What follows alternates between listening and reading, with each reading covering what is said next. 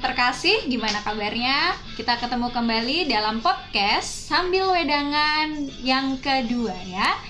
Pertemuan yang kedua ini membahas menu wedangan yang spesial tentang isu yang lagi menarik. Kayaknya baru hari Senin kemarin banget nih. Tanggal 13 April 2020 ada sebuah berita yang mengatakan bahwa Presiden Joko Widodo menetapkan wabah corona sebagai bencana nasional. Dan kemudian penetapan ini diberi sebuah bentuk yang disebut dengan keputusan presiden atau yang disingkat Kepres nomor 12 tahun 2020. Nah, tentunya menu wedangan kali ini pasti sangat hangat, rasanya nano-nano karena uh, saya Sekar Chandra akan nge-host nih ceritanya. Kalau kemarin saya jadi bintang tamu, kali ini saya akan nge-host bersama empat orang yang memiliki expert di bidang hukum. Nah, salah satunya yang kemarin dia jadi host, sekarang dia akan menjadi the man show-nya gitu. Karena beliau ini pakar banget nih di bidang uh, ketatanegaraan dan tentunya kaitannya dengan bencana nasional ini salah satu isunya yang bisa dikaitkan tentunya uh, tentang darurat sipil. Siapa lagi? Tidak lain tidak bukan adalah Mas Zaki Mubarak. Boleh Mas sapa dulu konco wedangan yang ada di rumah? Halo, uh, tetap uh, stay di rumah, tetap sehat-sehat ya. Ya, oke. Okay. Dan di sini ada salah satu expert di bidang hukum pidana yang tertarik di bidang politik nih. Ada Franciscus Asisi Setiawan silahkan halo sebenarnya saya calon advokat aja mbak gitu. Oh gitu ya calon advokat oke dan satu lagi yang sudah jadi advokat dan sudah melanglang buana malang melintang di bidang organisasi dan berbagai macam dunia-dunia politik. Ada siapa lagi? Kalau bukan Mas Adi Putra Purwoko yang katanya orang Batak tapi nggak ada Batak-Bataknya gitu ah bukan orang Batak ya orang Medan ya kalau saya Puja Kusuma tapi ya nggak bisa dipungkiri Jawa tetap masih ada karena keluarga Jawa semua selamat sore Konco Wedang, salam iya. sehat selalu. Oke, okay. dan satu lagi ada bintang tamu spesial kali ini yang uh, pengen menekuni bidang akademik hukum, khususnya hukum bisnis nih, dan juga udah jadi advokat, yaitu Mas Fatur. Silahkan disapa dulu Mas Konco Wedangan yang ada di Halo Konco Wedangan, pokoknya tetap jaga kesehatan, tetap di rumah aja ya. Oke, nah langsung aja nih ke menu wedangan kita tentang uh, Presiden Jokowi tetapkan wabah corona sebagai bencana nasional. Dalam kepres itu kan dibuat tiga poin gitu, tiga poin utama. Yang pertama menetapkan bahwa COVID-19 ini menjadi bencana nasional. Kira-kira dari teman-teman pada setuju nggak kalau COVID ini ditetapkan sebagai bencana nasional? Kira-kira Bang Koko dulu, setuju nggak? Kalau ditanya setuju tidak setuju sih sebenarnya setuju tapi mungkin kita bakal bahas lebih dalam sih. Oke, okay. kalau Mas Fatur gimana? Setuju nggak Mas?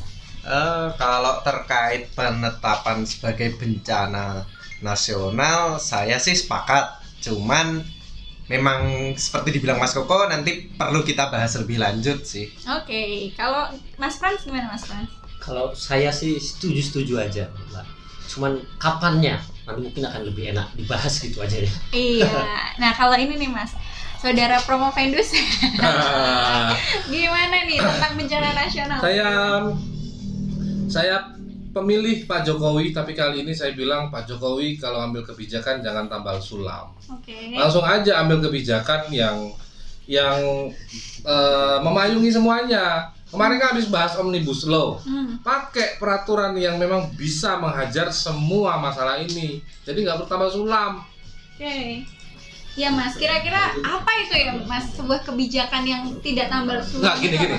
Uh, saya saya mengapresiasi kerja pemerintah. Jadi bukan saya tidak setuju, tapi okay. saya katakan uh, kali ini Pak Jokowi agak uh, blunder ya, blunder dalam artian beliau mengambil kebijakan-kebijakan yang parsial. Hmm. Sebenarnya kita sudah punya payung hukum yang bisa mengatasi semuanya. Oke. Okay. Ya, kalau sekarang mengatasi COVID ini kan dia pakai uh, kebijakan presiden secara secara lisan saja. Silakan hmm. social distancing, social distancing rame nih. Lalu keluar PSBB.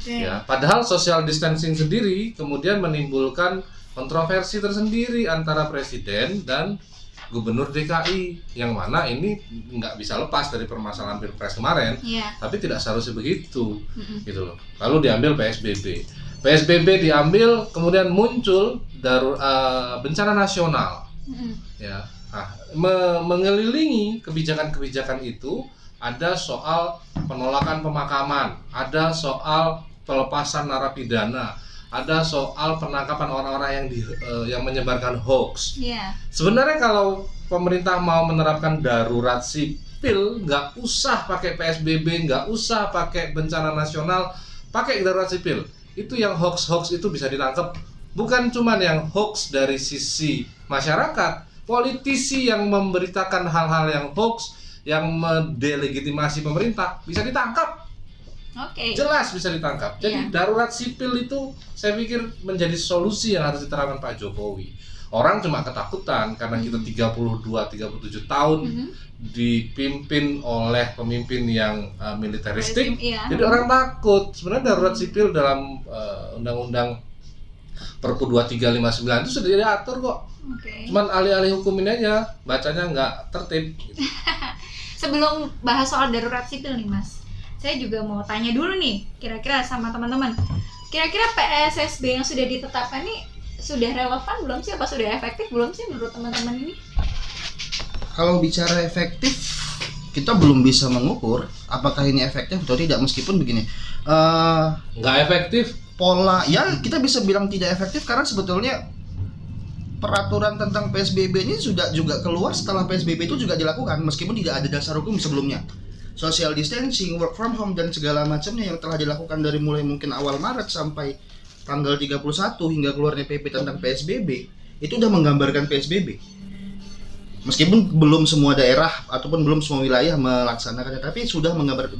Bagi saya hematnya PP itu dikeluarkan untuk membuat sebuah kejadian yang udah ada gitu. Bukan mengatur sesuatu hal penanggulangan lagi. Itu udah udah, udah berjalan dan diterapkan oleh masyarakat Hmm. dan beberapa perintah mau baik itu pemerintah pusat maupun pemerintah daerah. Oke. Itu Oh. sementara itu nanti. Iya. Tapi kalau tadi berbicara darurat sipil bagi saya ada sebuah kalau misalnya pada akhirnya pemerintah mengambil wacana darurat sipil sebagai langkah terakhir setelah PSBB ini tidak efektif, ada logika yang loncat mungkin bagi saya. Hmm, apa tuh yang loncat-loncat? Karena jadi begini, eh, untuk penanggulangan sendiri, ketika darurat sipil dilaksanakan itu kita ini sekarang bingung. Pemerintah ini sekarang juga seperti kebingungan darurat sipil. Tapi satu sisi kemarin keluar keputusan presiden ya kalau saya tidak salah ini darurat kesehatan. Memang yang mana yang benar?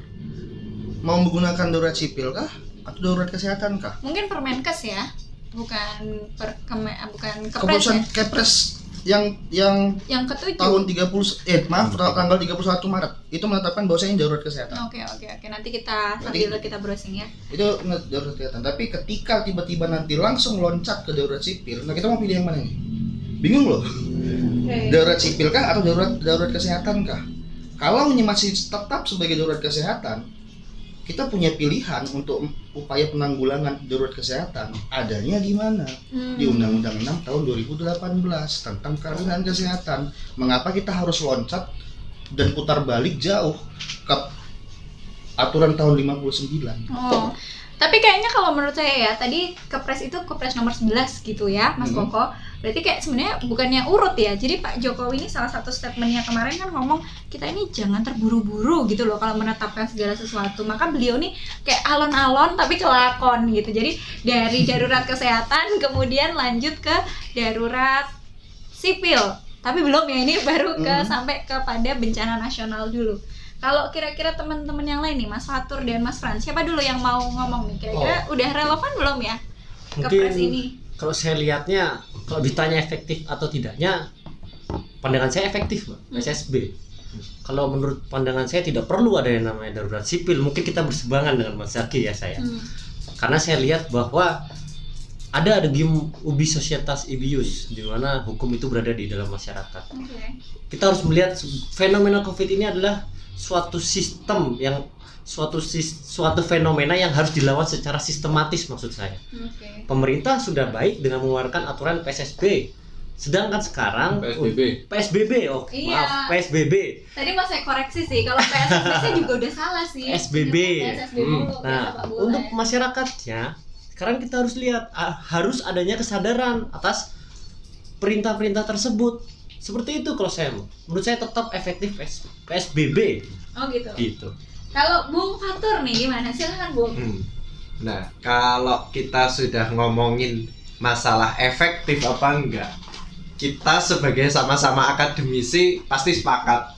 Ketika kita ngomongin efektivitas itu hal yang paling sulit karena di sini nggak ada indikator yang jelas untuk mengukur apakah suatu itu efektif atau tidak. Mungkin bisa dikatakan efektif oleh satu orang, tetapi belum tentu dianggap efektif oleh orang lainnya karena pasti orang yang mengatakan efektif itu punya indikatornya sendiri, sedangkan yang mengatakan tidak efektif juga punya indikatornya sendiri.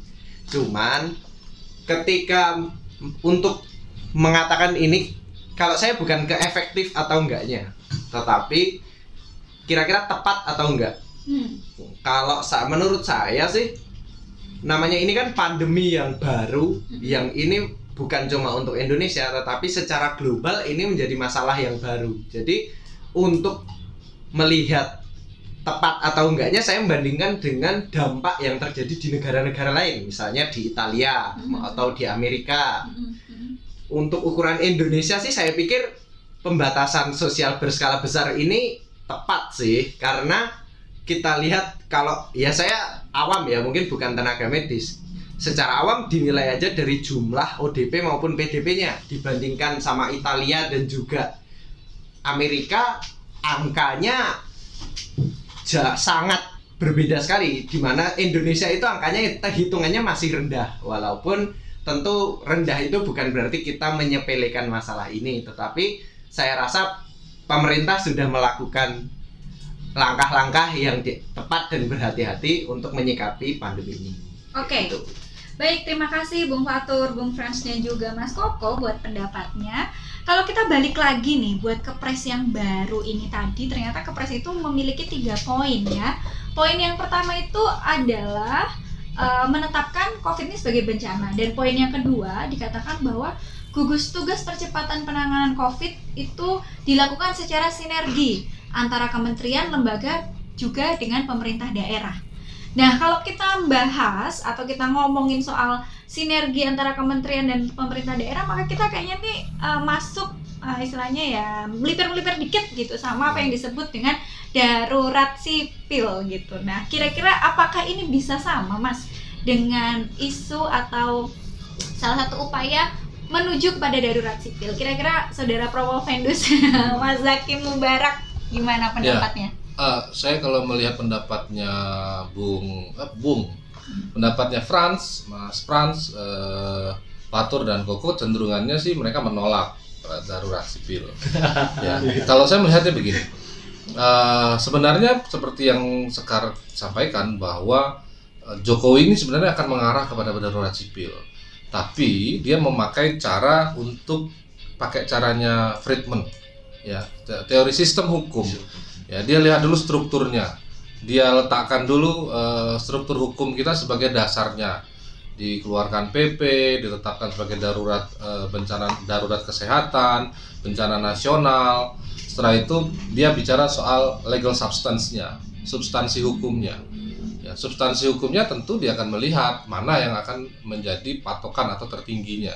Ya, eh, eh, payung tertingginya. Setelah eh, dia bicara legal substance, dia akan bicara soal eh, legal culture-nya.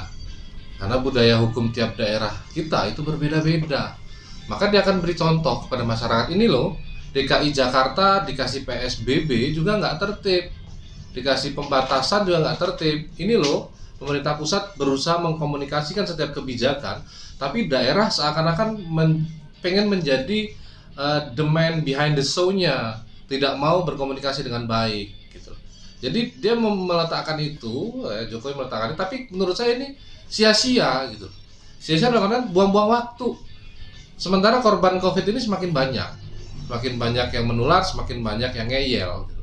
Ya, ya eh, korban itu kan ya yang sakit, ya masyarakat yang stres. Hmm. Ya, masyarakat yang sakit jelas angkanya, masyarakat yang stres ini yang nggak jelas angkanya. Hmm. Stres ini bukan akibat dari penyakit ini saja, tapi akibat dari komentar-komentar yang di luar eh, nalar, misalnya para politisi yang tidak lepas dari pilpres, belum lepas dari pilpres. Oke. Ya, kalau kita pakai konsep eh, hukum tata negara darurat, yaitu darurat sipil, sebenarnya nggak ada yang perlu ditakuti dari darurat sipil ini. Iya. Justru pemberdayaan daerah itu ada di situ. Hmm. Presiden yang menyatakan bahwa ini darurat sipil, tapi pelaksanaan dari darurat sipil ini didistribusikan kepada daerah-daerah. Jadi ada distribution of power di sini Oke. dia ada eh, apa namanya dekonsentrasi tidak terkonsentrasi pada pusat dia menyebarkan kekuasaan ini di mana gubernur kepala daerah tingkat satu kalau bahasa hukum Pemda yang dulu tuh kepala kepala daerah tingkat satu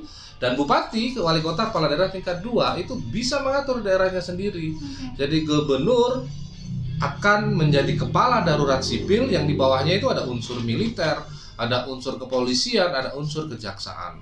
Ya, bupati juga begitu, bisa menjadi penguasa darurat sipil yang di bawahnya ada unsur militer dan seterusnya itu tadi. Hmm. Nggak ada yang perlu ditakutkan. Mau ngantor boleh, mau belanja boleh, mau beribadah pun boleh. Cuman peraturannya akan ditetapkan secara parsial parsial oleh daerah masing-masing. Jakarta punya kebiasaan seperti apa, sepadat apa, ya silakan Jakarta mengatur. Kabupaten Bogor punya kebiasaan seperti apa, silakan Kabupaten Bogor mengatur. Cuman tidak boleh bertentangan dengan pusat. Itu, itulah kontrol pusat. Jadi darurat sipil ini tidak ada yang menakutkan. Nah sekarang pakai PSBB, pakai darurat kesehatan, pakai bencana nasional.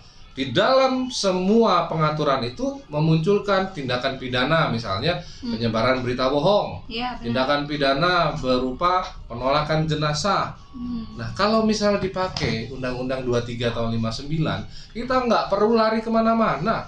Pemerintah bisa efektif membuat peraturan tersendiri untuk mengatasi semua masalah itu Hmm. maka konsep omnibus law itu bisa dibawa ke dalam pengaturan darurat sipil di mana peraturan-peraturan dalam keadaan normal itu dikesampingkan dulu. Hmm. Oke, sekarang kita buat deh peraturan dalam keadaan tidak normal pandemi ini. Hmm. Meskipun secara struktur, secara harfiah kita tidak menemukan alasan darurat sipil ini bisa diberlakukan. Oke. Tapi kita bisa memakai analogi hukum, ketentuan pasal 1 ayat 1 dan ayat 3 Hmm. negara dalam keadaan berbahaya nih negara eh, apa sih ya letterlessnya itu negara bisa berhenti beroperasi kalau ini diteruskan Iya. tidak di stop itu yang kita pakai atau bencana alam non alam Oke. nah tinggal kita mencari pakar bahasa untuk melegitimasi itu Iya. gitu loh ya Atau- jadi atau mungkin ngambil yang apa tadi disampaikan Bung Fatur tadi ya Mas Zaki kalau ini bukan masalah soal bahayanya itu dalam bentuk apa tetapi dampak yang ditimbulkan gitu ya iya ya, dampak yang ditimbulkan ini membahayakan hidup negara loh Hmm. Bayangkan Menhub sudah kena kalau presiden atau wapres yang kena gimana. Presiden Wapres kena, terus kemudian uh, Menlu, Mendagri, Menhan kena gimana? Ini membahayakan hidup negara loh. Jadi nanti dulu deh kita berpikir soal politik. Bahkan politisi yang melintir setiap kebijakan pemerintah bisa ditangkap, Iya benar. ya. Maka saya katakan uh, konsep ya konsep omnibus law itu bisa ada di dalam darurat sipil. Kenapa bisa ada?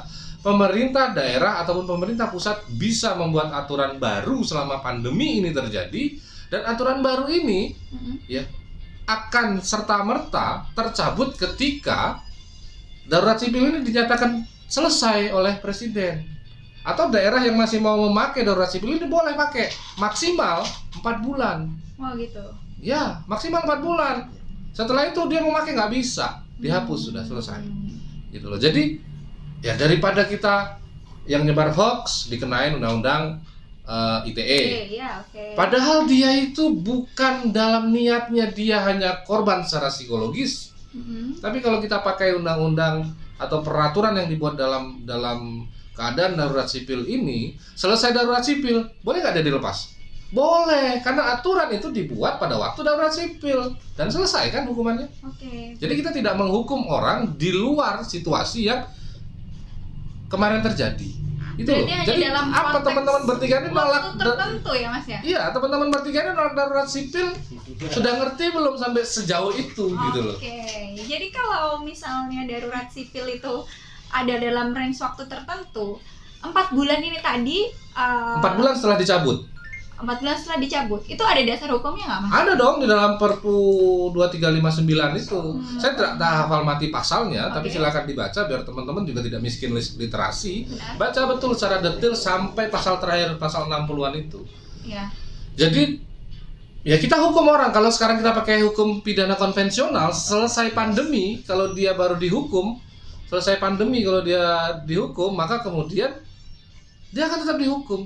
Tapi kalau kita pakai aturan yang dibentuk dalam situasi darurat sipil selesai pandemi bisa jadi dia dilepas. Hmm, gitu ya. Kalau gitu nggak match sama asas kepastian hukum dong mas?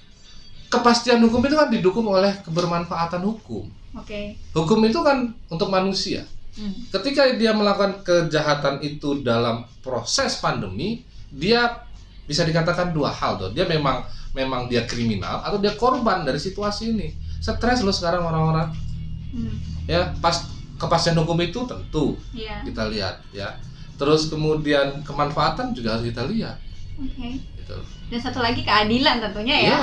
Nah, Kepastian hukum kan sudah diberikan ketika dia bersalah dalam situasi darurat sipil dia dihukum. oke. Nah, maka ketika kemudian peraturan itu tidak berlaku lagi, ya harus ditinjau ulang dong. Presiden harus bertindak sebagai kepala negara, jangan sebagai kepala pemerintahan. Iya itu tadi ya. Kita harus sadar bahwa ternyata presiden itu punya dua Dua fungsi. fungsi. Kepala negara dan kepala pemerintah. Kepala negara dia bisa mengampuni orang. Iya, oke. Coba diseruput dulu ini wedangannya.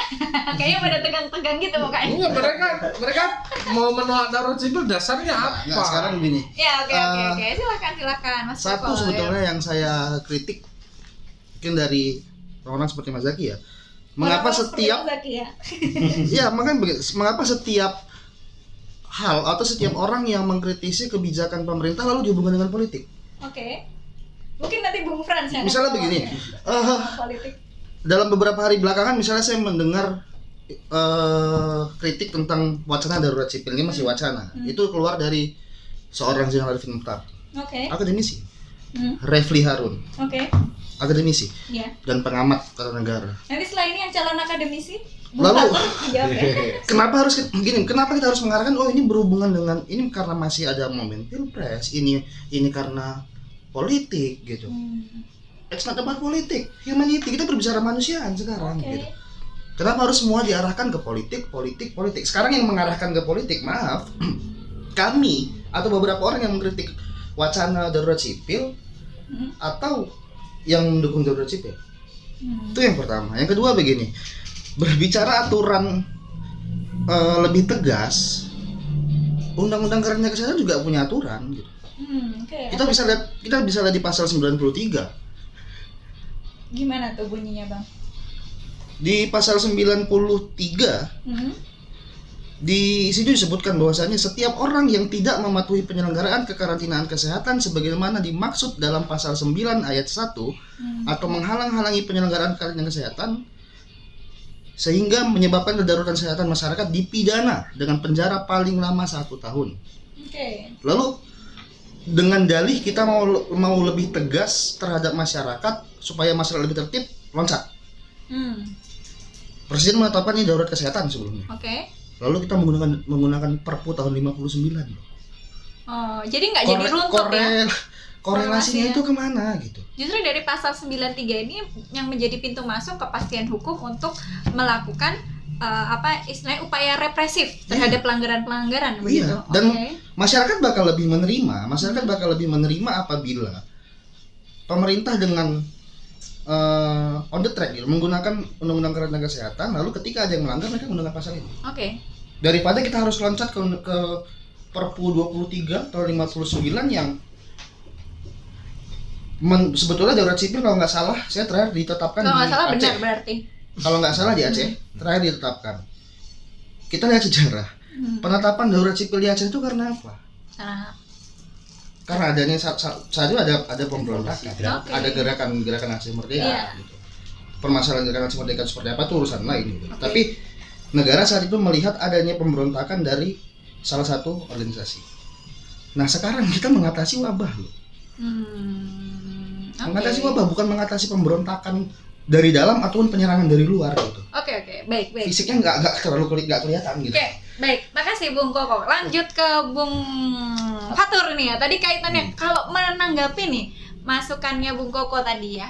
Itu Nah. gimana nih dasar untuk darurat sipil? Sepakat nggak? Nah, tadi di awal kita udah ngomongin ya terkait dengan eh, statement Pak Presiden untuk menetapkan pandemi corona ini sebagai bencana nasional. Iya. Saya di awal statement saya sudah berkata bahwa saya sepakat terkait dengan bencana nasional. Tetapi untuk penetapan darurat sipil ini ini beda lagi. Nah, seperti apa? Nah, dari tataran konsepnya saja kita coba baca di Perpu 2359 itu terkait darurat sipil. Di situ memang disebutkan bahwa untuk menetapkan darurat sipil itu bisa salah duanya karena bencana alam maupun keadaan bahaya. Nah, sekarang kita di tahun 2019. Di tahun 2020. Oh, sudah masuk 2020 ya? Setahun banyak berarti saya ya. lupa- hari. Kelamaan di rumah. Iya. Pengen Oke. memudahkan ya. Umur saya biar lebih muda setahun lah. Iya.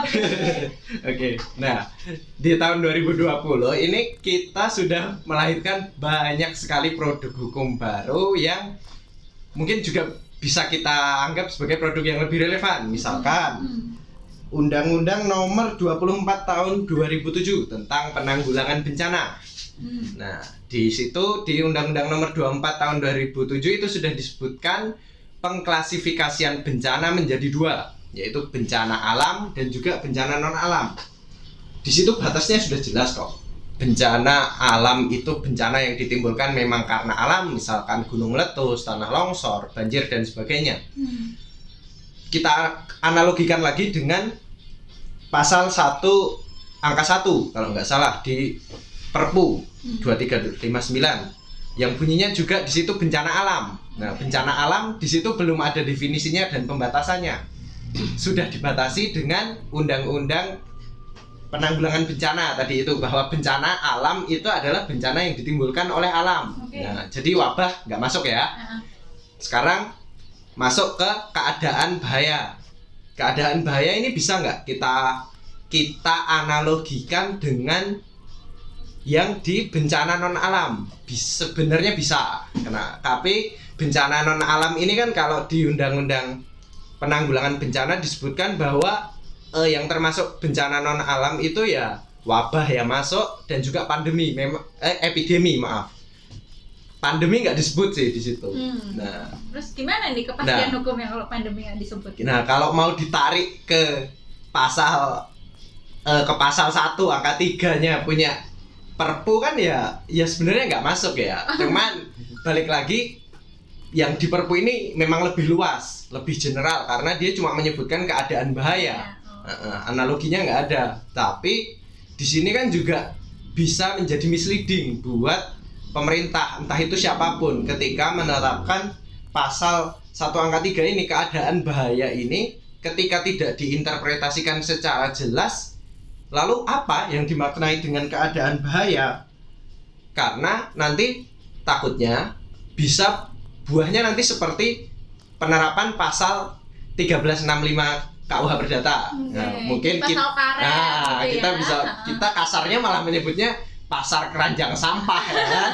Pasar keranjang sampah. Jadi Iya, iya. semuanya bisa dimasukkan ke situ. Oke, oke. Ketika penafsirannya tidak dibatasi kan apa pun bisa ditafsirkan sebagai keadaan bahaya seperti Oke. itu. Oke, baik. Jadi Mhm. sebenarnya aku saya sih lebih sepakat sama Mas Koko tadi. Kita udah punya produk hukum yang lebih relevan dan itu lebih spesifik kok menyebutkan tentang kekarantinaan kesehatan. Oke. Jadi itu sudah spesifik untuk menangani masalah kesehatan, entah itu yang pandemi, epidemi. Mungkin saya nggak terlalu paham sih itu perbedaannya kecuali terkait dengan skala wilayah aja ya. Iya, oke. Nah, mungkin yang lebih pas untuk diterapkan ya itu. Lalu tadi sama Mas Zaki sudah disebutkan bahwasanya memang bisa untuk menerapkan aturan yang yang khusus untuk masa apa darurat sipil itu memang bisa dan juga bisa diberlakukan maksimal empat bulan setelah se- pencabutan status darurat sipil. Cuman kita lihat di pasal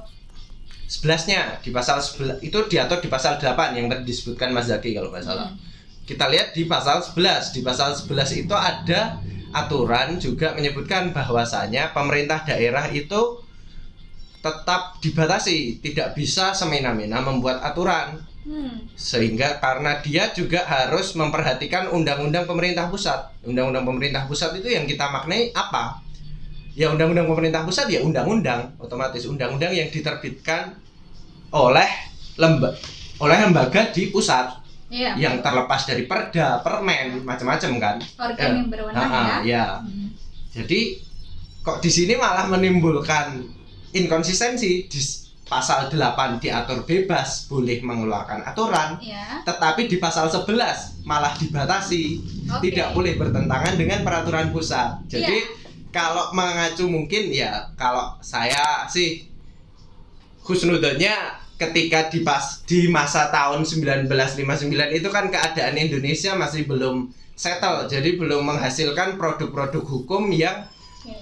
dianggap relevan bahkan momentumnya kalau menurut saya produk hukum yang dihasilkan pada masa itu yang paling bagus dan masih bertahan sampai sekarang cuman UUPA undang-undang agraria aja Dan juga KUHP, jangan lupa. oke udah, udah masuk KUHP ya benar Iya. Sudah mau ada rancangan Nah, iya. baru. yang sebelumnya itu mungkin masih agak miss-miss sih. Jadi mungkin ya bisa kalau memang dipaksakan Iya. untuk menerapkan diterapkan dengan tadi dengan analogi keadaan bahaya bisa, tetapi mungkin Ada peraturan perundang-undangan yang lebih relevan yaitu Iya. karantina kesehatan. Nah Kayak kalau gitu sih. nyambung itu ya, makasih Bung Fatur. Hmm. Nyambung nyambung dari statement yang sudah saudara berikan, wah kayak acara mata najwa yang saudara berikan. Padahal kita Mata sampai sampai-sampai ya. Itu kalau di poin ketiga dari kepres itu dikatakan seperti ini bahwa gubernur, bupati, wali kota sebagai ketua gugus tugas percepatan coronavirus di daerah dalam menetapkan kebijakan masing-masing harus memperhatikan kebijakan pemerintah pusat. Kayaknya ini sih Hmm. sejalan ya sama Hmm. pendapatnya Bung Fatur. Nah, menanggapi hal ini nih ya, Bung Frans, ya kira-kira gimana nih? Kira-kira bisa nggak ini sinkron? Kebijakan pemerintah daerah sama pemerintah pusat ini bisa sinkron nggak? Apakah ini justru akan memperlambat eh, apa namanya penanganan COVID atau mempercepat? Bung Frans setuju nggak?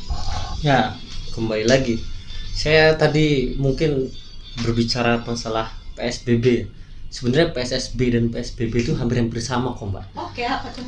Pembatasan sosial skala besar. Oke. Cuman kalau B-nya ditambah berskala saja. Oke. Jadi ya begitulah kalau sebuah kalimat itu. Saya selalu- Esensinya sama. Hanya im- hanya imbuhannya saya saja ini tambah. Jelas sih.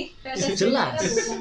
Ya. Kalau mengenai sinergi sinergi ya, Hmm. kesinergian itu kepala daerah yang memang harusnya memang sejalan dengan pusat. Kita Hmm. negara demokrasi. Tentunya rakyat pun harus sejalan dong. Oke. Saya akan kembali lagi seperti statement saya yang pertama. Menurut saya PSBB itu istilah pemerintah. Kalau menurut saya sendiri PSSB sih lebih enak didengar. bahasa rakyat ya. Ya, PSSB sendiri enak Ya. kita akan lihat sekarang bagaimana upaya upaya-upaya pemerintah dengan pendekatan pendekatan yang lebih humanis kepada rakyat agar menjalani kita nanti lihat Jakarta kita lihat sekarang ada lagi yang mengajukan ya uh, gubernur Bandung kalau nggak salah sama Bogor Gubernur Bandung, Gubernur eh Jawa gubernur. Jawa Barat karena nervous nervous gubernur Jawa Barat dan Bogor apa itu pokoknya Jab- sejab Jabodetabek kayaknya Ya mau. Bodetabek jelas. Memang ajukan itu juga. Nah, kalau saya lihat itu harusnya dilihat juga bagaimana upaya pendekatan pendekatan secara uh, humanis itu. Rakyat bagaimana benar-benar akan menaati peraturan itu. Seperti contohnya uh, saya mendapat kabar dari kakak saya yang juga wartawan Kompas TV, tepatnya kameramen seperti itu, dia harus ketika ingin bekerja dia harus mendapatkan surat tugas. Begitu. Ketika dia udah surat tugas berarti otomatis ketika dia bekerja dia boleh sah, tapi begitu dia nongkrong dia pasti akan kena himbauan dari polisi, akan disuruh pulang langsung. Oke. Kalau saya dari saya kalau pertanyaan sinergi pemerintah daerah dengan pusat itu harusnya sudah menjadi suatu keharusan dan kewajiban. Hmm. Karena semua yang karena ada proses pendelegasian seperti itu harus sejalan supaya kita menjadi negara yang lebih kuat lebih bisa siap prepare terhadap pandemik ini gitu kalau saya mbak Oke, baik. Nah, untuk menutup ini kira-kira ah, Mas Zaki. Jadi undang-undang apa ke- keadaan darurat sipil ini setelah ini kira-kira perlu diberlakukan atau tidak? Perlu. Darurat sipil tetap perlu dilakukan supaya negara ini kondusif. Dari komentar-komentar milik saya bukan soal kalau Koko tadi bilang eh, ini kok semua ditarik ke politik bukan begitu. Eh, negara kita ini sedang dalam masa apa-apa dikaitkan dengan politik. Siapa pun pemimpinnya pasti akan selalu berkaitan dengan politik. Negara kita sedang berada dalam fase itu. Jadi aturannya harus tegas gitu. Kalau aturan atau hukum tidak menjadi panglima, maka akan menjadi panglima politik ya seperti sekarang ini. Kebijakan benar dipolitisasi Iya. gitu loh. Ya sebenarnya yang diterapkan Pak Jokowi dari awal sampai kepada sekarang bencana nasional itu penerapan darurat sipil dalam baju yang berbeda. Hmm. Tapi kan akan buang-buang energi yang akhirnya kemudian dianggap Jokowi ini tidak dalam persiapan yang baik. Hmm. Tapi kalau dia akan darurat, dia siapkan darurat sipil, ya sudah. Darurat sipil itu menjadi solusi terbaik untuk kemudian menghukum orang-orang yang berkomentar, bukan yang membantu tapi berkomentar, Oke. ya. Menghukum orang-orang yang justru menyebarkan berita-berita bohong, Hmm. Ya. Soal daerah boleh membuat peraturan tapi tidak boleh bertentangan, itu asas hukum Ya. peraturan daerah itu disesuaikan dengan kondisi daerahnya. Ya. Tapi jangan kemudian kamu bikin peraturan daerah yang menetapkan sebagai gubernurmu sebagai presiden atau daerahmu sebagai daerah merdeka. Itu bertentangan. Buat peraturan daerah yang memang digunakan untuk mengatasi pandemi. Gitu. Kalau soal analogi hukum ya ini sudah bisa lah. Negara eh, kemudian nanti bisa dalam keadaan berhenti atau diam keberbahayaan itu membuatkan negaranya diam ya. Hmm. bahaya juga dong maka darurat sipil harus ditetapkan. Darurat sipil nggak serem kok. Ngantor juga tetap bisa. Hmm. kemudian berdagang juga tetap bisa. Yang dibatasi itu adalah eh, perkumpulan massa. Terus eh, mengumpulkan masyarakat dalam jumlah banyak di eh, pesta perkawinan atau pertemuan-pertemuan peribadatan juga tetap boleh Hmm. berdagang juga tetap boleh Ya. gitu loh. Dan yang berkuasa bukan militer loh. Jadi jangan pernah takut terhadap istilah darurat-darurat itu. Oke, jadi uh, darurat sipil yang tetap mengedepankan dan memegang prinsip apa namanya desentralisasi asimetris gitu ya Iya. Mas ya. Oke, kalau teman-teman yang lain nih, saya kayaknya udah tahu udah jawabannya, udah setuju nggak sih sama darurat sipil? Eh, kalau saya begini, saya saya dukung kebijakan Pak Jokowi saat ini Oke. dalam artian penerapan PSBB karena kalau kita mau berbicara karantina wilayah itu memang seperti saya katakan mungkin di bahasan kita minggu lalu gitu sudah lumayan terlambat apalagi kita melihat kekuatan ekonomi Hmm. atau kekuatan keuangan negara gitu.